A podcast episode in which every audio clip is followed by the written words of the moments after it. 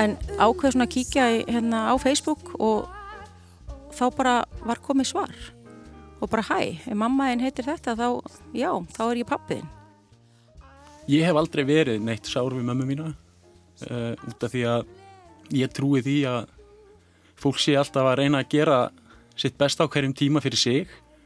Ég trúi því alveg einanlegt að, að mamma mín vil alltaf besta fyrir mig.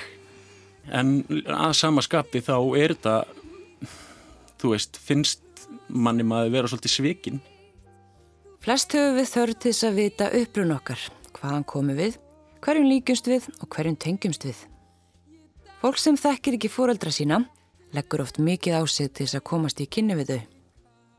Í þættinum í dag heyrum við sögur tveggja einstaklinga sem á fullónis árum kynntust blóðfæðurum sínum, þó án þess að hafa neitt sérstaklega mikið fyrir því.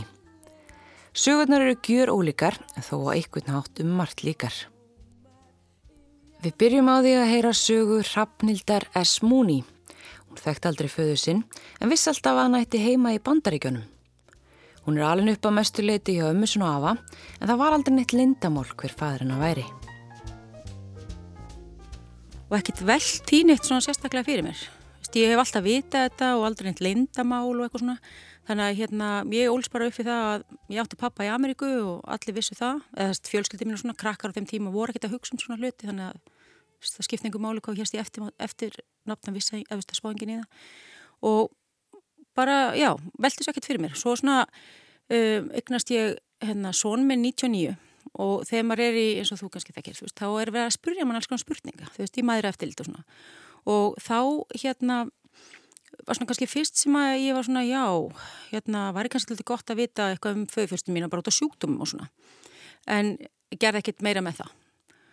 Og, hérna, og þannig liði bara ára náfram. Ég, hérna, veldur svo ekkert sérstaklega fyrir mér, fólki í kringum mig hins vegar að gera það, þá er ég ekki að tala um fjölskylda mín, heldur kannski, ég vann með kona eins og sem að vildi endilega fá að borga fyrir mig leit af pappa mínum og við leituðum á hannum á eitthvað svona peoplesearch.com fyrir þú veist 299 dólar eða eitthvað og þar var maður sem að hétt Stephen Xavier Mooney en hann bjó í hann að Kaliforni og ég hugsa bara neini, ég menna hann er bjó í Brooklyn veist, og ég mynd bara spáðgjins nýja fólk geti kannski bara flutt frá Brooklyn til Kaliforni þannig að þar bara stoppaði það.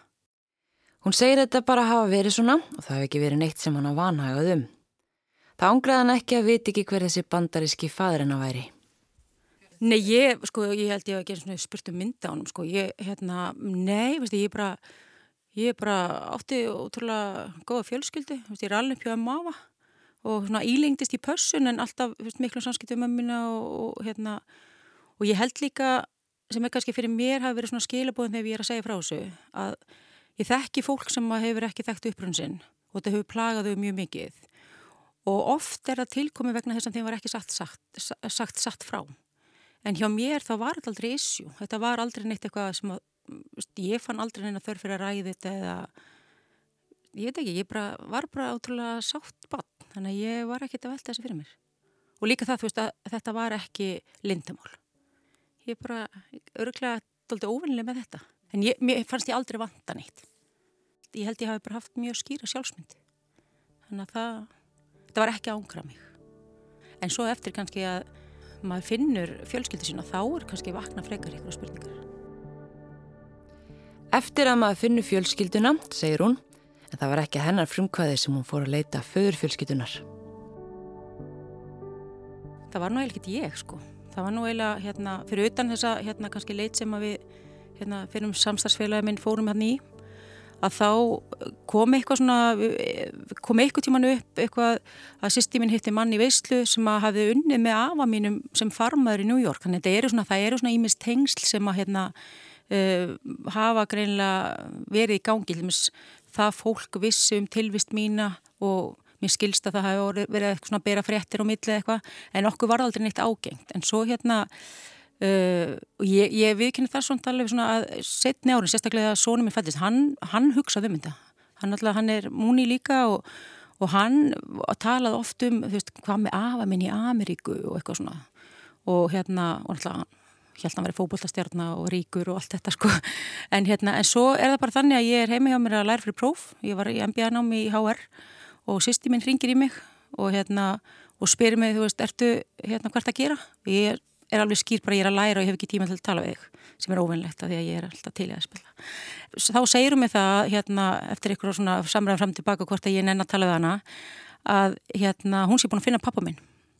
Sýsti minni hefur alltaf fundist merkilegt að vera frá Ameríku og hitta Múni og, og sérstaklega hún var yngri náttúrulega en, hérna, en hún hefði bara, hún er ekki mikið eitthvað á Facebook og svona, hún hefði bara eitthvað verið að hérna, fletta honum upp og hann hefði ekki bara leiðist heim í sér eitthvað og þá er hann hann og ég hafði alveg gert það nokkru sinnum, sérstaklega eftir að þú veist að fór að koma svona mér á neti og svona, það, en ekkert eitthvað svona það var bara meira svona, þú veist, eins og maður leitar eitthvað um frægum eða eitthvað þannig. En hérna þá hafði hún sérst bara slegið nafni hans inn á Facebook og hann heiti Stephen Xavier Mooney sem er kannski ekki mjög algengt nafn þannig og þá poppaði hann bara upp átti fjóra vinni og, og þar var kona sem henni fannst eitthvað hérna svo lík okkur, sóni minni rauðharði með mikið krullahár og þessi kona er rauðharði með mikið krullahár. Þannig að Laura sýstir ákveður að senda þess línu á þessa konu og segjast að leita feðgum sem héttu Stephen og Ed Mooney og hvort hún kannast eitthvað við þá. Mm. og hún svarar um hæl og segir bara já, hérna Stephen er fyrirhandi eiginmaður minn og, og Ed er semst fæðir hans og afhverju eftir að spyrja? Og það er semst þarna sem Laura semst, hefur samband við mig og, og hérna og uh, segir mér hún sé búin að finna hann. Og ég er náttúrulega svona geng beint til verks bara. Þannig að ég hérna senda hann bara strax línu og sagði bara Sæl, ég heitir Hrafnundur Sessili Múni, ég er fætt í hérna, Reykjavík þessar dagsningu og, og Íslandi. Mér finnst ég þurfa að segja það. Og hérna og, uh, og ég segi þetta bara ennsku and I believe you're my father. Eða you are my father. Ég var bara mjög direkt með þetta. En ég saði jafnframt að ég var ekki byggð um neitt en það myndi gleiða mig ef hann hefði samband. Svo fór ég bara að sofa og fólki verið oft fundist það bara mjög skuði, fórst þú bara að sofa?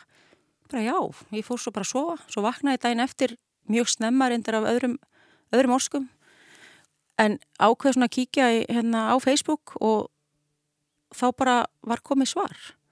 Og bara hæ, ef mamma einn heitir þetta þá, já, þá er ég pappiðinn og bara mér langar að kynast þér og hérna og ég man ekki alveg orðalagi en það var eitthvað svona let's get started eða eitthvað þannig og, og ég þetta verður mjög skrítið að lýsa þess að því ég var eitthvað nefn bara svona, ég vissi ekki alveg og, og, og ég vissi þarna líka eiginlega eina sem kannski ég vissi er það að það var ekkit aftur snúið.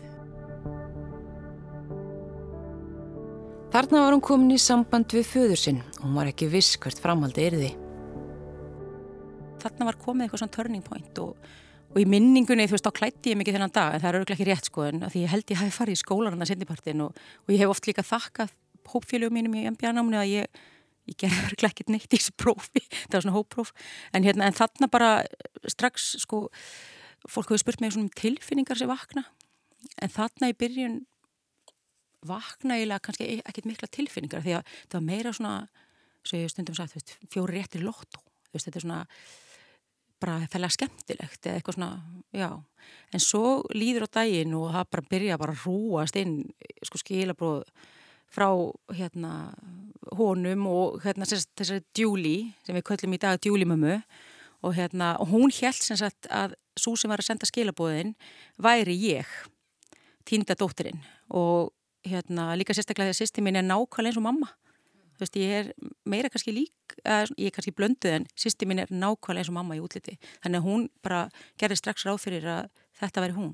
Og þau strax fór að tala saman. Veist, hún ringir í hann og, og hérna þannig að úti byrjar líka áður en ég veit af ykkur umræður um þetta. Og, en eiginlega það sem að gerir veist, svona setjum daginn hana, sem gerir þetta kannski svona tilfinningalegt er það að ég, þau segja mér að ég hef aldrei verið lindamál og ég er mjög lítið fyrir lindamál mér finnst hérna rámt að, að halda eitthvað svona frá börnum eða að því maður hefur heyrt svo mikið særind og svona kringu það.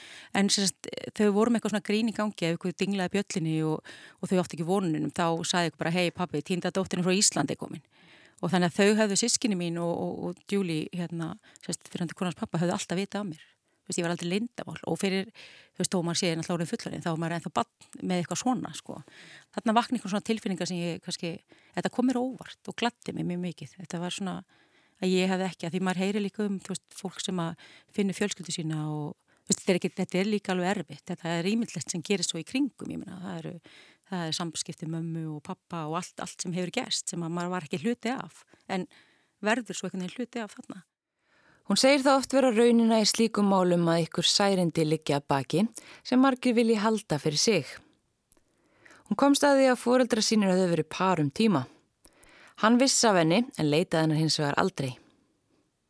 Hann hefur glýmt við það að hafa ekki leitað. Auðvitað áttar fólks í heimi ekki á því að þú, þú þarf ekki að hann að... Ég hef sendið mér einu bref í byggjum Fraklandi og ég skrifaði hámúni og það bara fór heimdi mín, ekkert heimilisfang. Veist, þetta er svo lítið landa að þú getur fundið fólk eins og þú þekkir, veist, bara með því að vita ekki eins og eftirnátt, sko. Bara, en þau hefðu getað, raunverulega, hann hefðu auðvitað getað skrifað bara múni í 1971 en, hérna, en hann gerði það aldrei. Og ég, við svo sem, hérna, við hefum rætta en ekkert kannski eitthvað svo mjög djúft en hann glimti við mikla tilfinningar og svona uh, eftirsjá að hafa ekki, hérna, hafa ekki leitað en það er kannski líka, þú veist, það var eitthvað hérna á milli fóröldra mína sem að ég hérna, þau hérna heldu að þau, að hvort við, semst, mamma held að pappi hefði sveikið sig og, og öfugt og það var eitthvað þau voru alveg í samskiptum eftir ég fættist sko í sambandi, af því að ég, þú veist, þau voru par áður ég fættist og þessin er þetta kannski líka svona doldið undarlegt sko. Og þetta var alveg, þetta var ekkert eitthvað þetta var ekkert í vonandi stend en eitt þannig. Þau voru pari í hérna það annað árið eitthvað þannig sko Móður hennar var auper í bandaríkjónum þar sem þau kynntust. Og kynnist honum þar í hérna í skíðakó, í skíða, sem ég doldið fyndi að því við erum mikil skíðafjölskylda hérna, hérna íslenska fjölskylda mín. Og hérna og þau kynnast þar og hann hérna uh, var í Vietnám þannig að hann var í hérna, eh, var í hernum. Og það reyndar eitt sem ég hef, hafði alltaf hýrt um hann en hérna því ég var yngri og, og stundum hef, mér hefði stríkt að því ég saði alveg frá, það var hann hefði verið munkur og ég vissi eiginlega aldrei hvort það var satt þetta er eitthvað sem mamma sagði við mig eða eitthvað og, og það reyndist svo rétt að hann er að ískri fjölskyldu, mjög trúið og hann var semst í svona hérna, mjög þekktir reglu í New York sem munkur og hættir þar og fer semst í hérin Þannig að þetta er svona, það eru mörg svona tvist af þessari sög. Sambandi við föðurinn og fjölskylduna alla var sífælt meira í gegnum Facebook og aðra samskiptamiðla. Þau ákveða svo hún komi út og hitti föðufjölskylduna. Svo bara hérna, bara já, Skype og Facebook og hérna og það er eiginlega bara strax ákveðið að hérna að fara út og heimsækja þau. En ég var hérna í námi og, og við bara ákveðum að að heimsækja þau að fara hérna bara í júni, lók júni þetta sama ár, þetta er semst í mars sem þetta gerist og það var alveg strax ákveðið að, hérna, að ég og svona minn dagur og, og Lára sýstur færi með. Lára hérna náttúrulega kom á þessum samskiptum og það er kannski líka áhugavert að segja frá því að, að Lára sýstir hún hérna fann þau en pappi hafi verið í nokkra dag á Facebook og Joyce sýsti mín á ringri ég, hún, hún hafi búið til hérna, eh, hérna síðunans þannig að það er eiginlega báðar sýsti mínar þær hérna höfðu svona aðkoma þessu. En við ákveðum bara strax að við myndum fara þrjú saman. Þannig að þegar við förum hérna í lók júni þá náttúrulega erum við búin að vera í samskiptum í marga mánuði. Og þú veist, þau eiga, sískinni mín eru þrjú, blóðsískinni mín, en svo voruð þau eitthvað, já, voða mikið að hjálpa fólki og þau ætlitu líka þrjú börn. Þannig að það eru, semst, þau eru sex eiginlega sískinnin. Og ég er búin að hitta svo núna síðan hérna, eina Já, ég meina þau kalla hana sýst sinna, ég kannski er í leit ekki alveg þannig til hennar, þú veist að ég hef, ég hef verið minni samskipti við hennar, en, hérna, en svona minn kalla hana frængu sín og líður eins og sé frænga sín, en það er semst bara eitthvað sem þau ætlitu, þannig að þetta er svona stór og fjörug fjölskylda.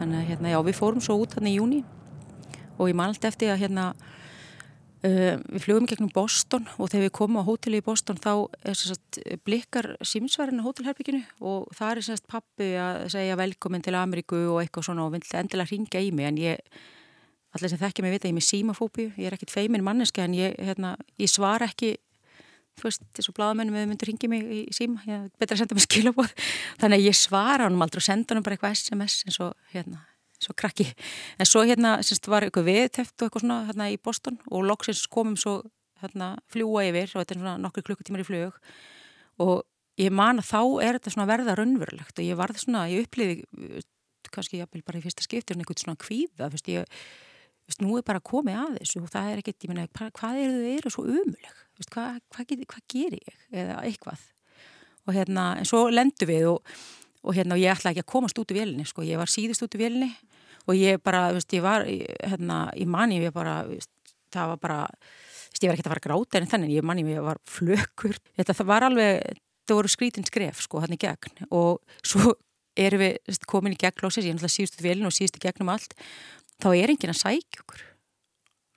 Og og ég vissi sko að pappi hann hafði unni í 14 ára á flugvöldunum í San Francisco og þeir sem hafa komið að vita þetta er ekkert rosa stór flugvöldur þannig ég hugsa bara þau eru bara hægt við veist, hva, hérna, en svo býðum og býðum og býðum og, hérna, og við, ég held ég að við getum verið með símónumrið þeirra. En svo svona fjarska þá sé ég hérna, bróðu minn, Brendan og pappa koma og þetta er svona augnablík í lífminu sem ég gleym aldrei. Veist, þarna er þau bara, er þau bara bróðu minn og pappi minn. Og og pappi í öngum sínum hafði ekki fundið komisalinn þrátt fyrir að þekkjana flugvill betur en lóan á sér. Hún segir skrítið að segja frá því en henni leið eins og hún hefði alltaf þekkt þetta fólk. Þetta var bregnin eins og við hefum alltaf þekkt. Það kom svona ímiðslegt sem að hérna, æg oft heyrti eitthvað svona sögur, bara hitti fjölskyldur mína og við erum svona eins með þetta og ég hef alltaf svona, kannski ekki gert lítið úr því en ég hef svona kannski svona hleyja að þessu. En svo, þú veist, svona skrítni hlutir eins og veist, hvernig maður borða mati sinn eða hérna, ég hef oft sagt frá því þegar ég við, þau eru svona, ég reyndar talin mjög svona ameríski, elska hambúrgur og pítsur og gert síðan ég var krakki og, og svona margt svona ameríst við mig sko og sem kannski ekki skrít. En ég man alltaf eftir við vorum að grilla hambúrgur og borða hambúrgara og þá fatta ég að það er oft gert grína með hvernig ég borða hambúrgur, ég held mig báðum höndum og svona veit ekki eins og mús eða eitthvað og, hérna, og þarna eru þau bara og borða hambúrgar eins og ég. Og þetta er ótrúlega skrítin tilfinning. Og líka við fórum í hérna svona smá ferðalag og í Redwoods hérna skó og vorum að skrifa í svona dagbók. Og ég hef alltaf verið ein með mitt nafn. Þarna var ég alltaf inn með fólki sem bara skrifaði sama nafn og ég. Er, hérna, það er svona litli hluti sem að hérna þetta var bara, það var bara eins og ég hef alltaf þekktu og það var ekkert bara, við, og finnast er sko, við byggum heima hjá djúlimömmu, fyrirfrandi konunars pappa og við höfum gert það síðan þegar við farið. Og hérna, svona minn fyrir oft og hérna, og ég er búin að fara nokkur sinnum og hún er búin að heimsækja mig og hérna, og bara síðast í gær þá þekki skilub og frá henni að hún er að byggja mig um að gera eitthvað beiliskonfekt handa sér og láta hann koma með, Vist, þetta er alveg svona samskipti. Sambandið hefur þróast síðan þá Já og ég menna mér er náttúrulega mikil við eins og er bara með fjölskyldur. Ég menna þú ert í mjög smiklu samskiptum við frængu frændur, sískinni eða fóraldræðina eða hérna og ég þykir nú ekki droslega fjölskyldur rækin svona, svona sjálf og minn og næg. En já allavega þú veist ég er miklu samskipti við djúlimömmu og hérna og Joyce sýsti mín er sérstaklega og Brendan bróður minn sem hérna býr á Hawaii. Og hérna og hann hefur komið hérna og elskar Ísland eða þau. Þannig að já ég er bara í samskipti við það. Þetta er náttúrulega, ég meina, fjölskylda mín sem ég hef búin að vera með síðan ég fættist og, hérna, og fóstupappi minn, pappi sýsti minn, þetta, þetta er náttúrulega, ég segi það ekki að veist, þetta er náttúrulega fólk sem er mér nær, en samt, jú, ég meina, þetta er fjölskylda mín. Og líka það, þú veist, ég, ég kalla hann pappa minn. Ég hef aldrei, þannig kannski beint kalla eitthvað pappa, það var laust. Það er kannski líka alltaf svona, ég, og það gerist fyrir einhvern veginn strax, sko. Og sónu minn, þú veist, ég meina, hann lítur á ömmu svona afa í Ameríku alveg svo ömmu sín ára afa hérna á Íslandi sko. og hann hef mjög ég held að sko hann fyrir honum verði þetta öruglega svona dýbri já hvað dýbri tengsl og svona öruglega miklu meira áhrif að hann heldur um mig. Hann er alveg hann bara elskar hann til og með sennan útskvæðist núna á mentaskóla núna í byrjun mars og ég spyr hann hvert viltu fara, vil langar að fara eitthvað? Og fara eitthvað að ferðið eitthvað? Og hann er að fara daginn eftir til að djúlja mig það er hans val. Ég vil ekki fara með mér ekkert Nei, en, veist, en já, þannig hann upplýta mjög stert sko, hann er bara veist, við vissum ekkert við komum hann með hann út. Við náttúrulega komum hann með hann nótt og og við lára sýsti sittum hann, við erum náttúrulega veist, ekki það maður, maður svona, þetta var svona skrítið doldi sko.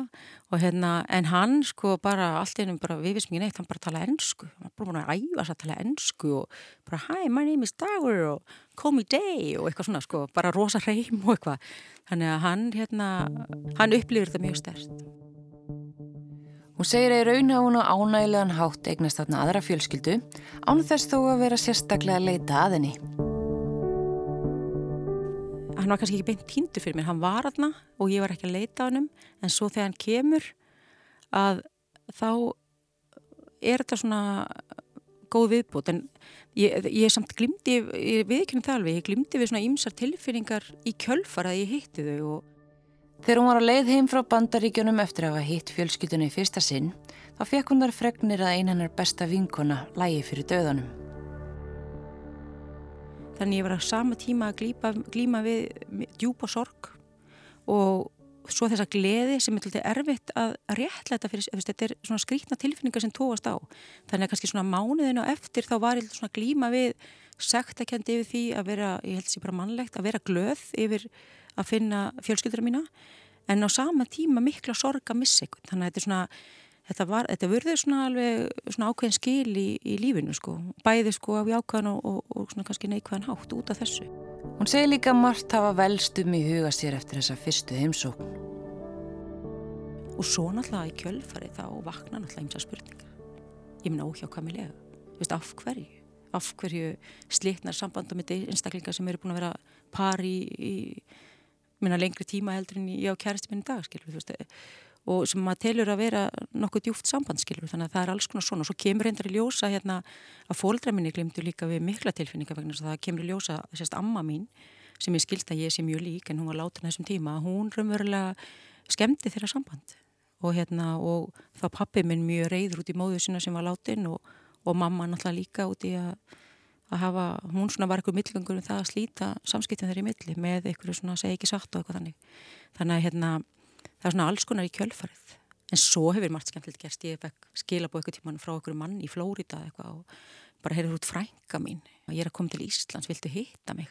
Og þá var ég alveg bara, oh, veist eitthvað fólk bara, veist, var fyrst eitthvað svona neikvæð. En svo kemur hann hérna með konni sinni og, og við erum bara miklu samskiptum í dag algjörlega frábært fólk og og vinnur í hérna, bandræska sælabankunum sem er áhugavert, ég vinn í fjármáleftildinu og bráðum sælabankunum en hérna, þannig að þú veist, það er ímslegt svona í kjölfari sem hefur gerst. Fjölskyldu meðlumir haft samband við mig sem búa um hérna í Flórida og Kaliforníu og New York og, og þeim finnst náttúrulega mjög merkild að þessi týnda dóttir sé fundin. Og líka að sjá kannski svona útlitslega, þú veist að Sóni minn er rauðarur, hávaksinn með mikla krullur, svona dökkrauðarur og það er drengur fyrst í Flórida sem er að svipum aldrei sem er rosalega líkur honum það er svona skrítni hlutir veist, þannig að hérna já, en þetta hefur verið svona þetta sé að bónus að hérna, að finna fjölskylduna.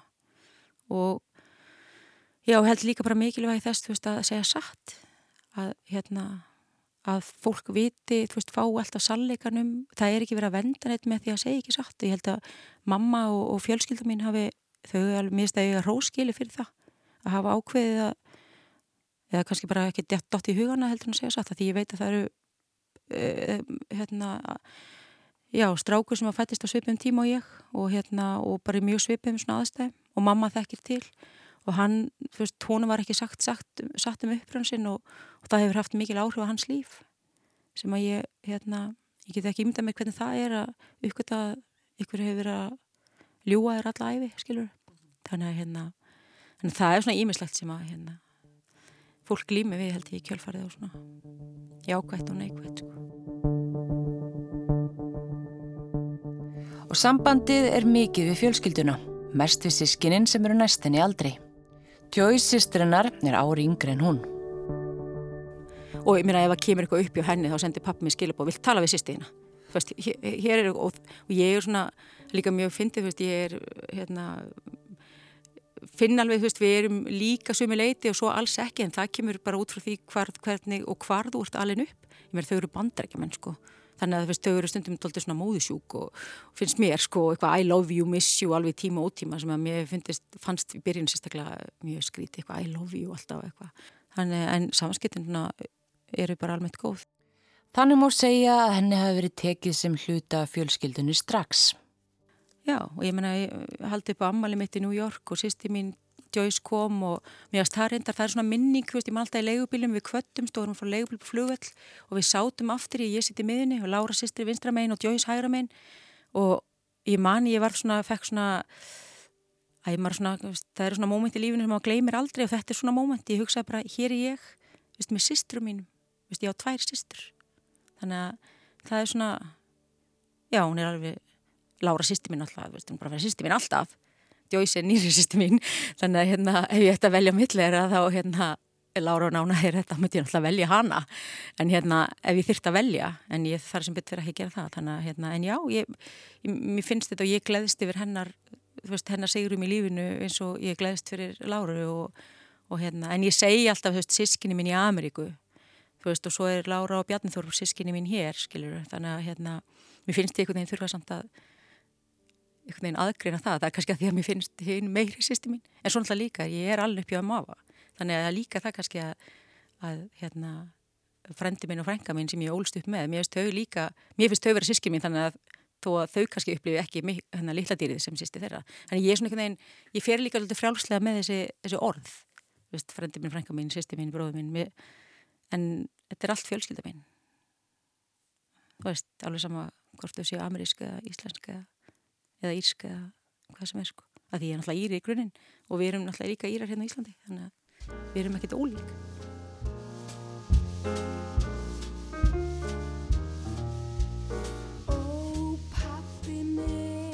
Næst þegar við sögu sem tengist í líka að finna föðu sinn þó tildrögun séu allt annan hátt. Þau eru óvænt eins og í tilvikið hafnildar og þó söguna séu ólíkar má þó finna þar ákveðin líkindi líka. Aron Levi Beck ólst upp hjá móður sinni og manni sem hann taldi föðu sinn fyrstu ár æfisinnar. Svo skildu leiði fóreldrana eins og gengur. Fæðar hans egnaðist tvo sinnindi viðbótur eftir skilnaðin og Aron átti því tvo hálbræður þar.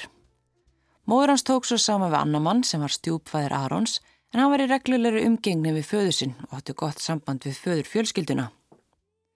Það kom því eins og þrjum ár heiðskýru lofti þegar sá sem hann taldi föðu sinn sagði við hann einn daginn hann vildi að þeir færi í fadirnispróf. Þá var Aron 18 ára.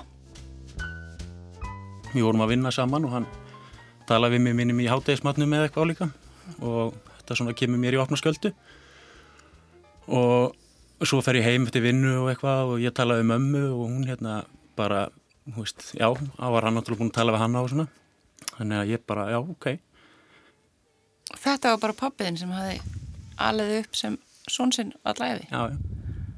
Þeir hefði aldrei grunnað neitt? Ekki neitt, Nei. aldrei grunnað neitt.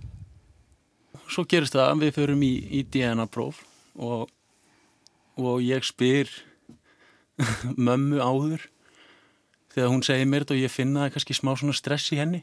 Ég spyr hana hérna, þú veist, já, ég menna, er hann ekki pappi minn? Hún bara, jú, ég er alveg 99,9% viss með það og maður heyri svona, heyriði í röttinni hjá henni að það var eitthvað svona smá eitthvað, eitthvað óryggi þannig að ég segi hana, já ég minna það bara þá er þetta allt í góðu og ég minna við förum bara í þetta.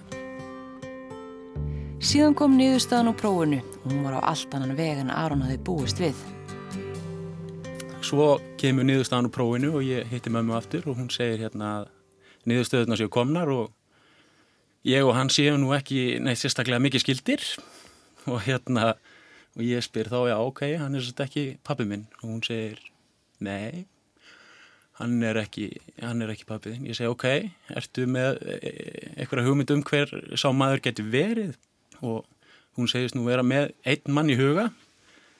Og þá er dregin fram eh, maður sem er lítur nánast alveg út eins og ég með eitthvað ramaskítar og hérna maður svona, já, ok Þeir fari í fadernispróf þó að Aron væri nokkuð vissum niðurstöðuna að þessi maður væri pappans. Út af því að við erum þetta líkir og, og, hérna, og, og þau þekkjast alveg sko. Þetta lítur að vera svolítið áfall og hann áttur nára gaman til að komast allt í náði að allt sem þú helst um hver var í fæðinu var bara ekki satt.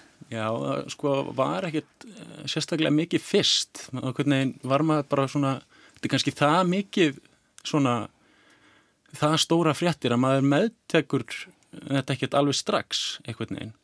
Þannig að ég var ekki var ekkert reyður og ég var ekkert sár eða neitt, ég bara svona eitthvað neginn, já ok, þetta er staðan og hérna og lítið sem ég hef gert í því eitthvað neginn. Sko þessu spurning sem að ég hef oft fengið ef að ég hef svona sagt einhverjum frá þessu eða verið spurður út í þetta þá er ég oft spurður, ert ekki sár við mömmu þína? Eða eitthvað svolítið sko. Og ég hef aldrei verið neitt sár við mömmu mína uh, út af því að ég trúi því að fólk sé alltaf að reyna að gera sitt besta á hverjum tíma fyrir sig. Ég trúi því alveg einanlegt að, að mamma mín vil alltaf besta fyrir mig En þú varst ekkit sár út í hana að reyður en eitt solis? Nei, en að sama skapi þá er þetta þú veist, finnst manni maður vera svolítið svikin einhvern veginn að allt það fólk sem að þú átt að sem á að standa þér hvað allra, allra, allra næst hefur kannski ekki verið að segja er satt og allt allan ennan tíma mm. þó að það sé kannski gert uh, í, í þeim tilgangi að, að venda mig og mína tilfinningar eða eitthvað slíkt sko Aron sá myndamanninum sem móður hans sagði að væri líklega fadir hans. Hann segi strax af að séð hversu líkið þeir væru, hann og þessi maður, og efaðist ekki um að þetta væri fadir hans. Hann segist eins verið að hafa veldi fyrir sér hvort móður hans liti ekki hafa vitað þetta, þess að það færi valla myndli mála þeir væri skildir, svo mikil væri líkindin. Þarna var Aron á þeim stað að hann vissi hver mögluðu fadir hans var, en hann var ekki búin að hitta hann þegar hann fekk skilabóð frá jafnöldur sinni sem staðfestu enn frekar grunan sem fadernið. Já, það líður eitthvað tími. Ég var reyndar sko búinn að fá þarna eitthvað tíman í þessum, að meðan þetta allt er að gerast, fengi skilabóð frá stelpu sem að segir við mig að hún haldi að hún sé sýst mín og þessi stelpa er jafnkvæmil mér og nauða lík mér. Ég held að það séu tveir mánuður á millokkar og ég bara já ok. Og, og ég, við hittumst og eitthvað og, og verðum bara góði vinnir og, og svona og maður fann strax einhverja tengingu. Hann segir erfitt að lýsa því hvernig hægt sé að finna strax einhverja tengingu við algjörlega ókunnuga mannesku en hann fann það sem styrti grunans enn frekar. Hann hitti föðusin ekki strax en talaði við hann í síma. Mér er sagt hvort að sé í fyrsta skipti sem ég talaði við pappa minn um, að amma mín sé nýt á inn þá sérst amma mín sem ég hef aldrei hitt. Og það er ég að jarðsetja hana eftir nokkra daga.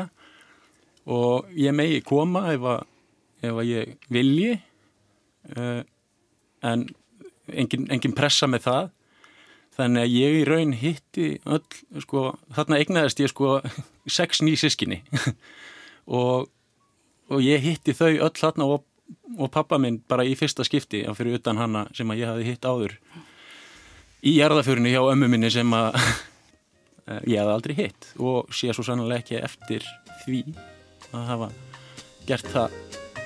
Í jarðaför ömmu sinnar hitt hann sem sagt föður sinni fyrsta skipti og egnaðist á einu bretti sex ný sískinni. Já og það var bara þú veist, ég veit ekki, það var einhvern veginn ekkert vandraðalegt, það var bara svona mjög eh, bara, já var ekki eitthvað mikið sem að maður hafið því svo sem að segja eða gera maður, bara svona eitthvað kannski var að þarna og svona í einhverju einhverju svona smá spjalli bara við, við fólkið mm -hmm.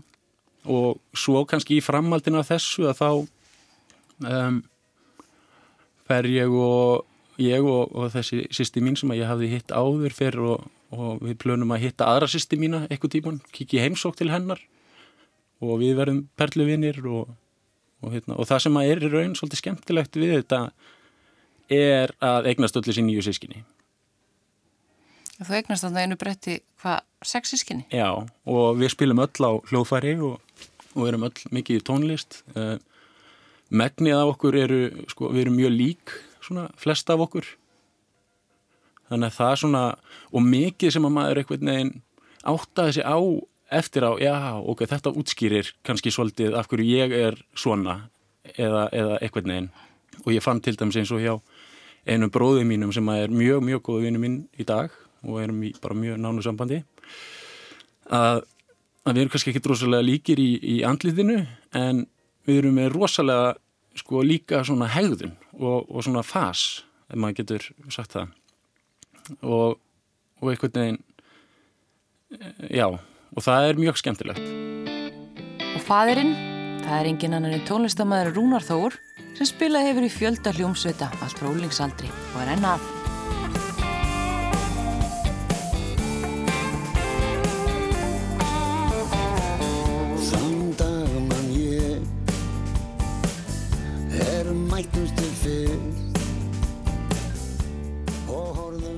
Manst þú Rúnar eftir þessu hvernig, hvernig uh, það var að fá að vita að þú hana átjónar gamla són? Jú, jú, ég, ég er bara skamur að hlusta á Aron, ég hef aldrei hægt að segja sína kannski tilfinningu beint en ég held að, að DNA hafi ekki verið komið þegar mamma var jörðuð og ég, ég man að ég talaði við hann uh, var að tala við hann um að, að mamma verið dáinn og og ætti að fara að gerða hana og, hérna. Og hann þurfti ekki að hafa neina áhugjur af því því að hann sko fyrst að DNA var ekki komið þannig að, að, að hann þurfti ekki að mæta neitt. En þá sagði hann já e, ég vil ekki missa jarðaferður ömmu minnar ef hún skildi vera það. Og þá svona fatt að já þetta er svona minn fannst mér einhvern veginn og hérna ég var nú búin að sjá hann uh, sjá hann að bregða fyrir í ykkur þrjú-fjögur skipti. Uh, ykkur tíma þegar það var þryggjára og, og, og hérna. En sko ég, ég hafði ekkert hugmyndum að hann uh, væri svona minn sko. En, en, en bara þegar ég, ég hitt hann fyrst og var að tala við hann þá svona sá ég eins og hann var að tala um taktana hans og Herges svona minn sko og þá er, er, er það þannig. Hann, þau er eiginlega öll með svona svona, svona takta svona uh, kipi á réttum stöðum. Mm. Nei, mér, mér brá ekki og, og hérna og ég er bara mjög stoltur að vera pappans En, en svolítið hérna skemmtilegt þá skulle minnast á þetta að, að þú hefði séð mig því að ég var þryggjára og því að ég man alltaf eftir þessari heimsók sem er svo skrítið út af því að ég man ekki droslega mikið frá því að ég var þryggjára en ég man, þetta er óljóst en ég man alltaf eftir þessu þessum skrítnakalli sem að við kíktum í eitthvað heimsók til og hann, hann að gefa mér svona ah, sem að maður setja munnhörp á til þess að geta spilað á gítar á sama tíma svona dó til að setja um hálsin munnhörpustati munnhörpustati mm. og ég afþakkaði þetta út af því að ég spilaði ekki á gítar þegar ég var þryggjára og hérna og, og hérna en hann sagði já, kannski, kannski gerur það eitthvað tíman eða eitthvað. Já. Þannig að þú hafði kannski hafður þá ekkert neitt grunum að hann geti verið svonuðin þegar þú hittir hann hann Já, maður svona ég pæli mikið í dag bara annarkvöld batsi Nei, svona í allir djókisleft þá þá sá ég hitt hann ekkert svo oft, skiluru sá hún ekkert svo oft það bara ég vissi hvað mammas bjóði á búin að þekkja mammas áður og hún byrjaði með þessu manni og allt. Þannig að hérna við erum mjög góði vinnir og höfum alltaf verið og, og hún er frábær kona og hérna og móðir þannig að ég er náttúrulega búin að vera að spila bara á böllu meira og minna í 33 ár og hérna og, og hef aldrei talið með svona sambúðar mann sko og hérna og ég held að hún hafi brátt að sjá því en, en, en, en ég veit, ég veit maður veit ekki, ég veit ekki neitt þannig nema svo bara kemur þetta upp og hún er bara eh, eins og ég segi sko ég, ég pæli bara mest í að, að öllum líði bara vel. Rúnar segir Aron hafa smellpassaðin í hópin strax. Bönni mín voru mjög ánað að fá hann. Hann svona og þeim fannst hann líkastur mér. Og hérna og Freyja er doldið lík með líka. Ég, ég hérna þau eru líka fætt á sama ári. Mm. þannig að kannski er það og, og þau eru bæðið á austan. Mm. og kannski er það en, en hérna og svo er líka spurning um útlýtt sko, útlýttu segir heldur ekki alltaf allt sko. Ég er bara eins og ég segi, ég er faktist ynga enga skoðun á því. Hann er frábær og mamma sé frábær og, og hérna og ég bara uh, ánaði með það, var pappans ég er frábær börn og hérna ég er búin að eiga þau á löngu tímabili. Ég eitthvað strák 16 ára sko á Ísafyrði og, og hérna og svo aftur eftir tíu ár og, og þú veist, þetta er ekki eins og maður sé alltaf vega börn en þetta er bara langur tími. Yngsti strákurinn minn er fættur 2006 þannig að, en við erum frá fjölskyldar sko. Og hefða, þannig að, að maður að passa sig. Þetta passar ágætlega í tvö svona fútboltalið og sparkvelli.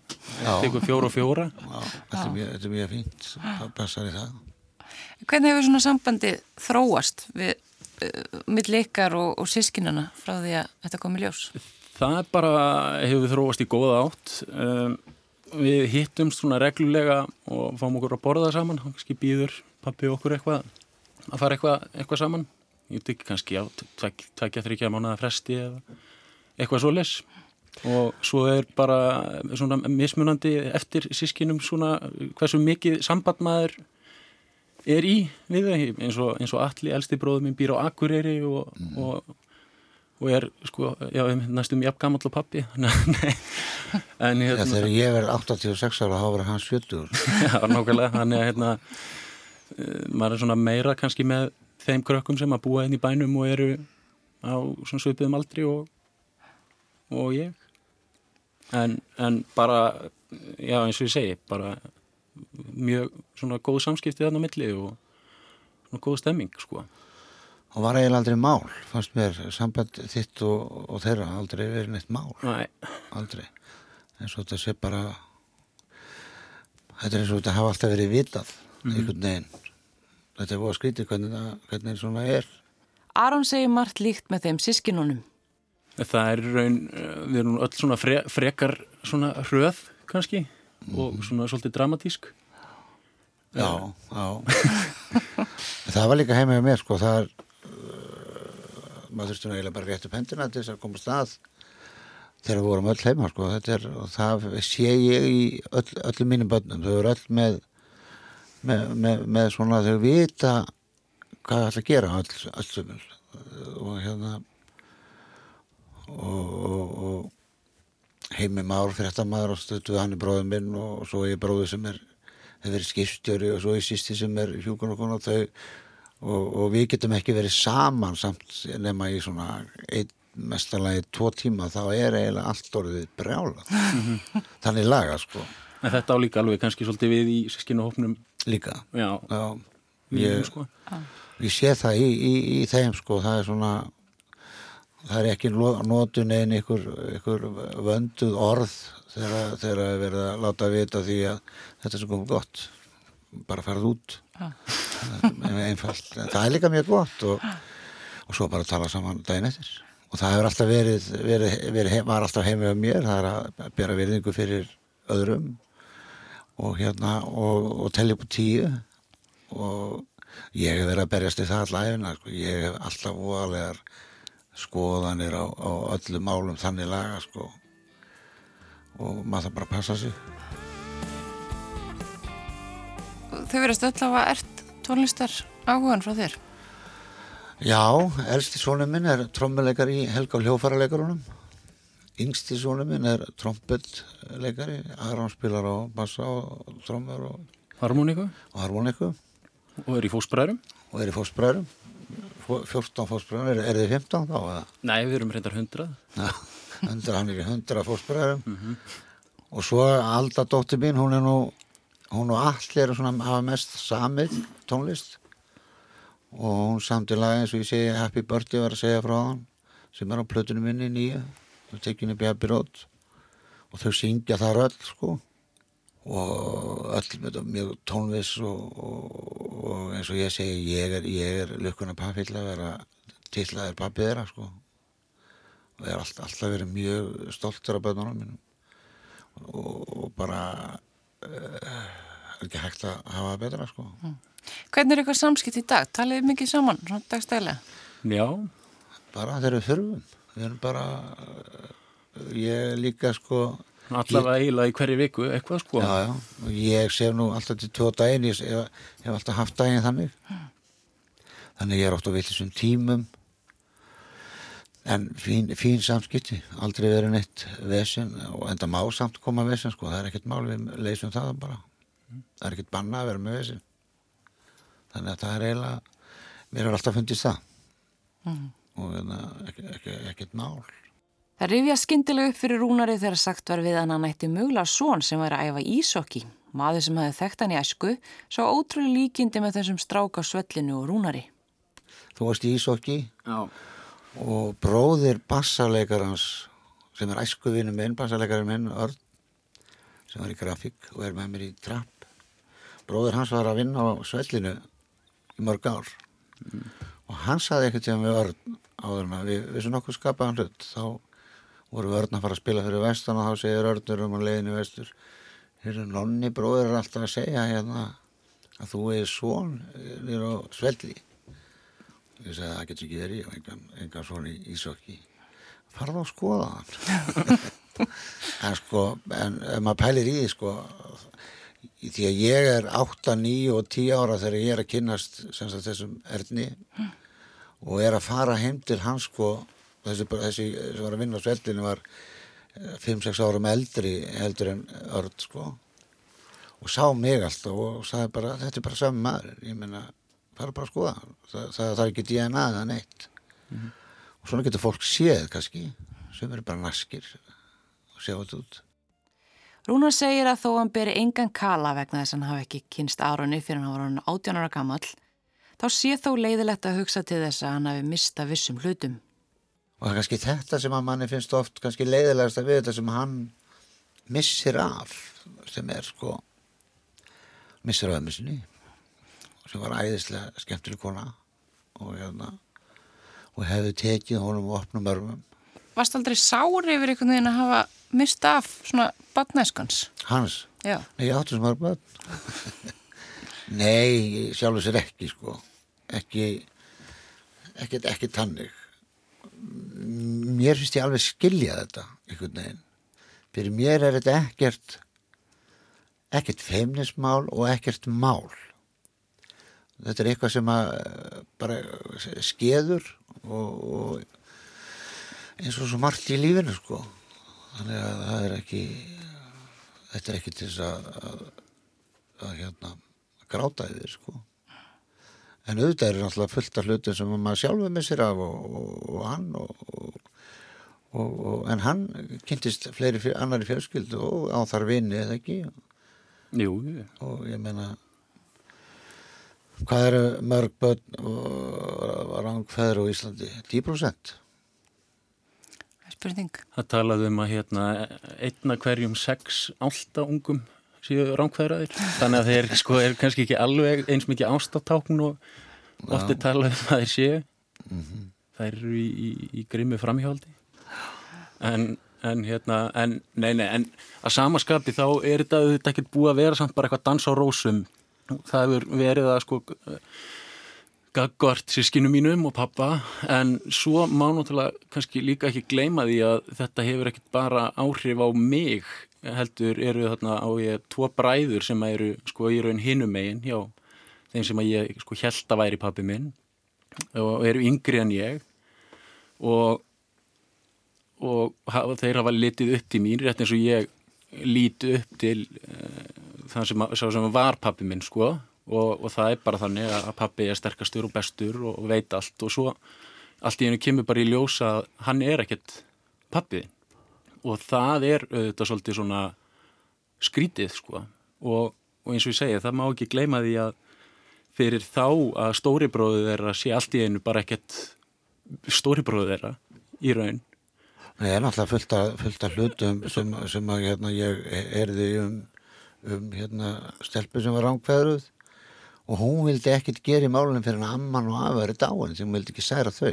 Það er fullt af svoleiðis í, í kringum svona mál, þú veist. Mm. Þú veist kannski að kynast okkur öfur fólki en, en sko til dæmis elsti sónu minn, hann elst upp hjá, hjá hérna pappa sínum sem að ég kalla bara pappa hans líka og hérna og ég, þú veist að tala um takta og annað og ég sé takta í þessum elsta síni mínum og þessum pappa, fóstupappans sem elur hann faktist upp mm. og hérna og svo þegar hann gifti sig þessi svonum en þá voru við bara báði svaramenn og, mm -hmm.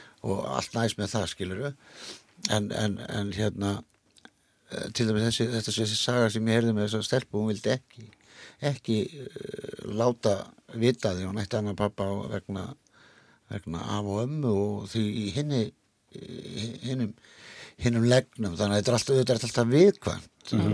og margir, margir sem koma að að svona en það er ekki, það er ekki þar með sagt að, að það eru samt alltaf að vera brjálað út af því sko. En ég á til dæmis þarna þá hinum einn eða hvernig, hvernig maður getur orða indislega öm og afa sem að ég kiki alltaf á þegar ég fyrir austur og, og ekkert breyst hvernig ég líti á þau Nei, það má ekki breytast og ekki, ekki heldur með og bara þetta fólk uh -huh. í mhm. raun allt málið er bara það að, að, að sko þau byggu mikið bara, þau byggu erlendis í svolítið tíma, svo byggu þau út á landi þannig að það var einhvern veginn, maður var ekkert sko rosalega mikið hjá þeim, út, út, þau voru í námi úti og svo, já, og svo, þú veist, þannig að það er einhvern veginn svona, og einhvern veginn þegar maður eldist þá einhvern veginn hjálp sambandið kannski ekki eins og, eins og maður hefði kannski viljað og sískinin haldi áfram að rækta sambandi sín á milli og komi föðu sínum á óvart á 65 ára amalinas.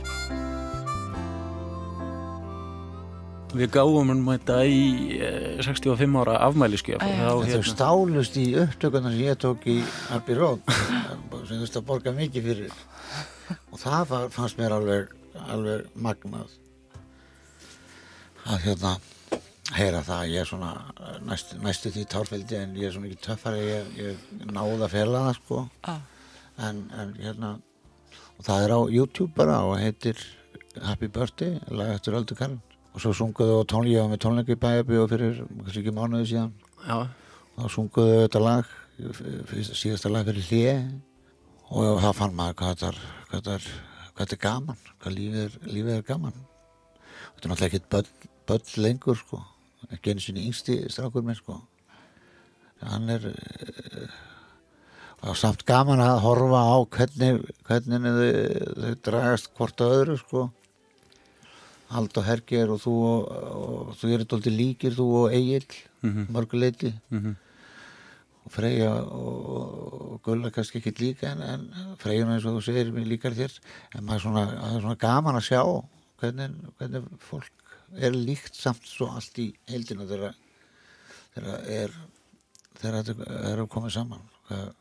Og rattir líkar mm -hmm. líka rattir en svo er líka bara málið að maður þarf bara að vinna svolítið með það sem að maður hefur ah. og lífið kemur með allavega hlutin á bortilmann sem að maður kannski vill ekkit endilega og óskar ekkert eftir en, en ég held að það sé bara nöðsynlegt að reyna að gera svona það besta sem maður getur úr því og, og njóta þess að vera til.